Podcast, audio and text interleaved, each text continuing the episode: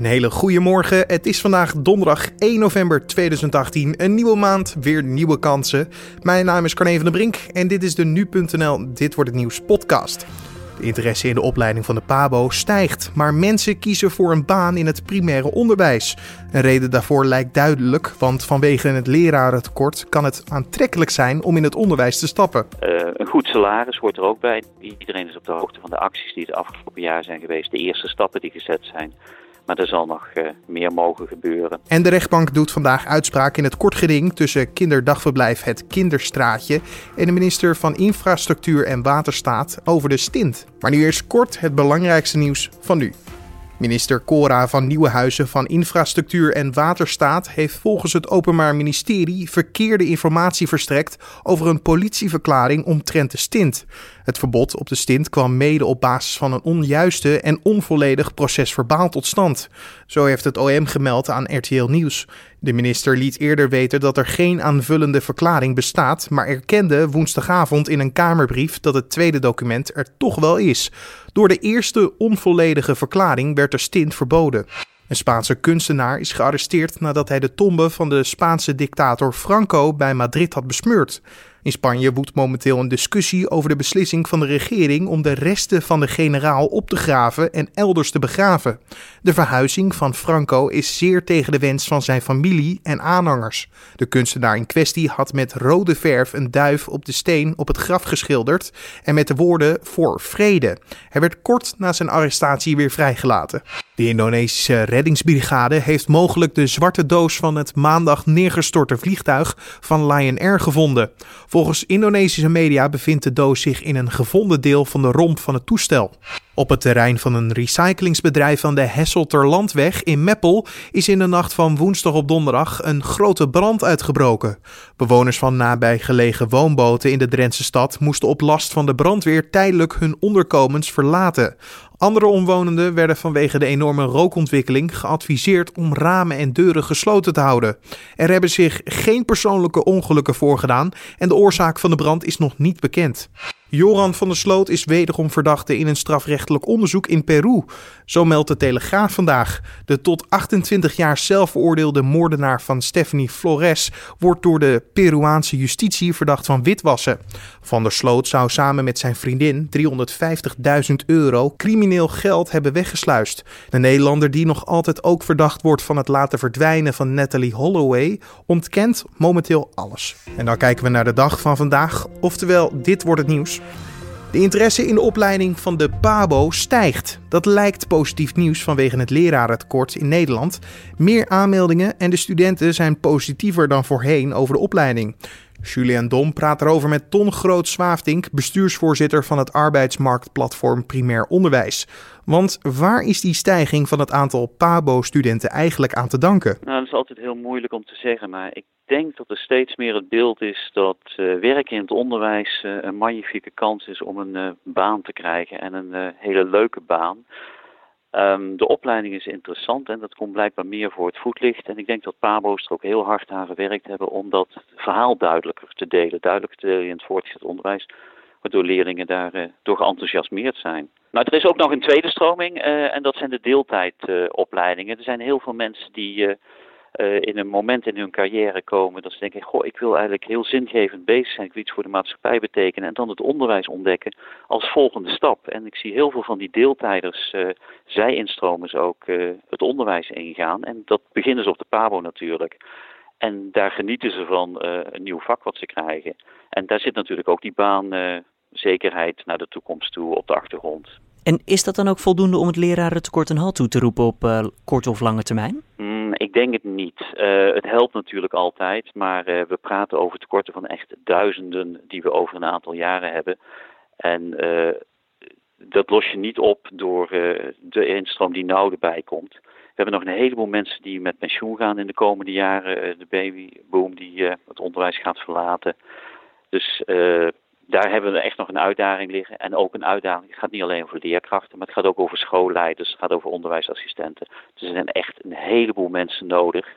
En ja, daar zullen we nog veel meer voor moeten gaan doen. Ja, een uitdaging klinkt natuurlijk ook eigenlijk alsof er ook een goede oplossing moet zijn. Hebben jullie daar al over gedacht of ligt die al op tafel? Nou, hij ligt nog niet op tafel, maar er zijn er heel veel ideeën over. En uh, je merkt dat ook steeds meer ondersteund wordt. Uh, natuurlijk betekent dat doorgaan met het werven, het, het, steeds nadrukkelijker duidelijk maken hoe leuk het beroep is van leerkracht en wat je daarin kan ontwikkelen en hoe je daarin kan groeien. Um, dat betekent dat we steeds meer uh, begeleiding en dergelijke zorgen dat echt een fijne en inspirerende werkomgeving is. Uh, een goed salaris hoort er ook bij. Iedereen is op de hoogte van de acties die het afgelopen jaar zijn geweest, de eerste stappen die gezet zijn. Maar er zal nog uh, meer mogen gebeuren. En natuurlijk ook is het uh, creatiever gaan worden van hoe gaan we met onderwijs om? Nieuwe ideeën in het onderwijs, nieuwe technieken in het onderwijs gebruiken.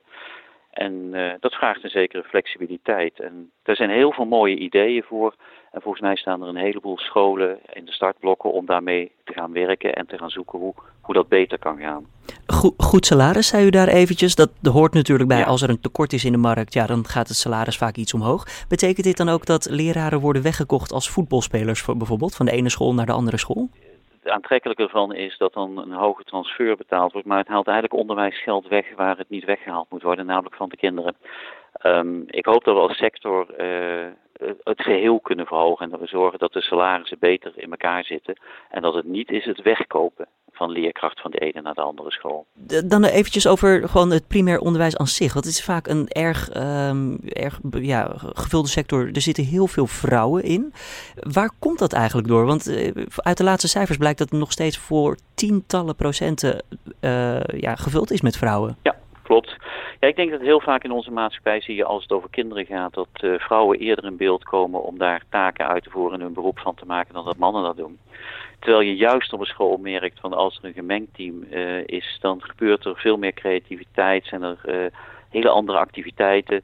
En door de mix, het is onderhand ook duidelijk dat alle teams, en dat geldt niet alleen voor onderwijs, waar mannen en vrouwen samen de schouders eronder zetten, zie je veel meer gebeuren en zie je veel meer creativiteit. Dat is wat, wat we merken. En wat ik wel merk is dat het vaker lukt om laten we zeggen, de status van het beroep wat meer te verhogen, wat voor mannen soms een uh, belangrijk punt is. Maar vooral ook, uh, laten we zeggen, de autonomie, de eigen verantwoordelijkheid. En met de status bedoelt u van hoe er naar gekeken wordt? Of? Ja, het algemene beeld van de maatschappij over de belangrijkheid van een beroep. En ik denk dat, uh, ik zie in de maatschappij steeds meer dat mensen doorhebben van, hé, hey, onderwijs is hartstikke belangrijk en heel fundamenteel om als maatschappij verder te ontwikkelen. Nou, en dat maakt dat het imago wat aan het groeien is. En uh, ja, salaris helpt daar ook bij natuurlijk. En, en dat is ook een onderdeel waar de PABO dus aan heeft gewerkt door ja, het vertrouwen terug te krijgen van de studenten in de opleiding. Ja, en dan ook uh, als PABO heel nadrukkelijk van uh, ook de studenten een stuk hun eigen route laten lopen. En wat meer begeleiden op waar wil je stage lopen met jongere, oudere kinderen, waar is de focus op. En uh, aanpassen aan de vragen die studenten hebben om op daardoor een goed programma te kunnen draaien. Dat je goed de vaardigheden als leerkracht leert. Maar wel op jouw eigen manier. En dat is soms voor jongens en meisjes een andere vraagstelling die ze als student hebben. Ton Groot-Zwaafdink hoorde je, bestuursvoorzitter van het arbeidsmarktplatform Primair Onderwijs. En wil je hier nou meer over weten? Kijk dan even in de beschrijving van deze podcast. Daarin vind je een uitgebreide analyse. De rechtbank doet deze donderdag uitspraak in de zaak tussen kinderdagverblijf Het Kinderstraatje en de minister van Infrastructuur en Waterstaat. Op 1 oktober werd besloten de stint te verbieden op de openbare weg. Het kinderdagverblijf is daardoor in de problemen gekomen om kinderen te kunnen vervoeren. Het verbod moet worden opgeheven volgens hen. Julien Dom praat hierover met rechtbankverslaggever van nu.nl Joris Peters, die vanmiddag ook bij de uitspraak aanwezig zal zijn. Het, het, het wordt ten eerste wel een drukke bedoeling, denk ik. De rechtbank uh, zelf geeft al aan uh, dat ze veel uh, toeloop verwachten. Ten eerste ook van media, met ten tweede ook van publiek. Um, en dat, dat er zelfs mensen mogelijk geweigerd moeten worden omdat het gewoon simpelweg te druk is. Er zal wel een aparte zaal worden ingericht, een zogenaamde, daar kan je het volgen via, via een videoscherm. Ehm, en dan gaan we luisteren naar, uh, naar wat de, de bestuursrechter heeft besloten. Hoor. Inderdaad, in het kort geding over het, uh, het schorsen van het, uh, het, toelaten van de stint op de openbare weg. Jij hebt de jurist van het kinderstraatje nog even gesproken vooraf. Ja. Wat vertelde hij? Nou ja, bedoel, wat, het, het, de vraag is natuurlijk van, wat misschien wel goed is om te weten. Kijk, geldt dit? Stel nou de bestuursrechter zegt, zegt vandaag, we, we, we, we, schorsen de, nee, we heffen de schorsing op. mogen dan alle stints weer de weg op? Nou, in principe is dat uh, in dat geval. Dus het gaat nu, dus het is een kort geding van één persoon. Uh, maar dat geldt natuurlijk voor, voor, voor iedereen. Um, en dan is natuurlijk de vraag of dat ook gaat gebeuren. Maar uh, dat is inderdaad wel de beslissing die, die vandaag moet gaan vallen. En de minister die, ja, is niet voor niets met dit verbod gekomen. Hoe kijkt die ernaar? Nee, ja, kijk, zij hebben een beetje zo van safety first. Ik bedoel, uh, de, er is een, een, verschrikkelijk ongeluk gebeurd.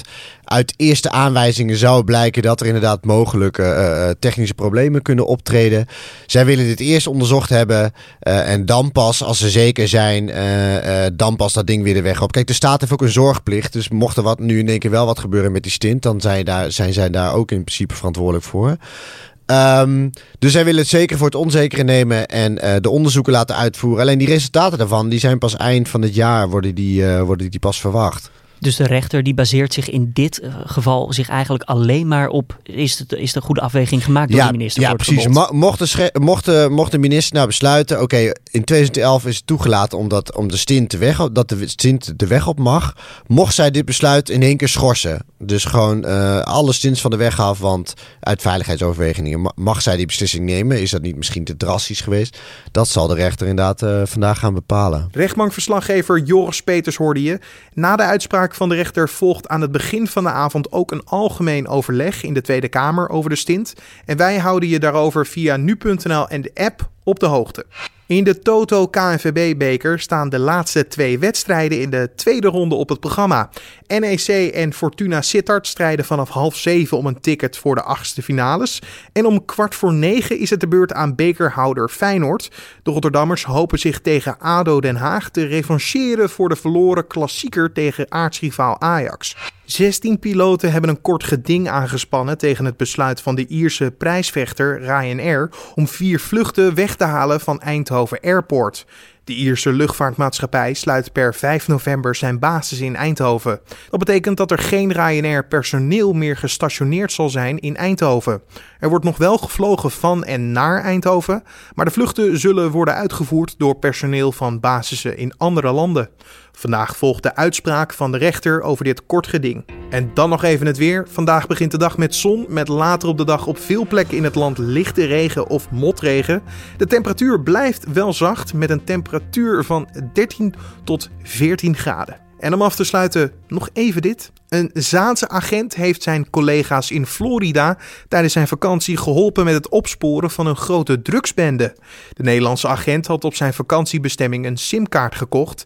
Toen hij die in zijn telefoon stak, ja, toen schrok hij. Hij kreeg allerlei foto's van hennepplanten en inclusief berichten dat hij ze voor een goede prijs kon overnemen. Hij bleek het nummer van een lokale dealer te hebben overgenomen en lichtte daarop de politie van Florida in, die daarmee de drugsbende op het spoor kwam. En dit is toch echt wel een gevalletje. Politieman ben je 24 uur per dag, 7 dagen in de week inclusief je vakantie. Dit was dan de Dit wordt het nieuws podcast voor deze donderdag 1 november. Je vindt de Dit wordt het nieuws podcast natuurlijk elke maandag tot en met vrijdag om 6 uur ochtends op de voorpagina van nu.nl of in je favoriete podcast app. Laat ons weten wat je van deze podcast vindt. Dat kan via een mailtje naar podcast.nu.nl of, wat nog fijner is eigenlijk, een recensie in iTunes. Mijn naam is Carne van der Brink en voor nu een hele fijne dag en tot morgen.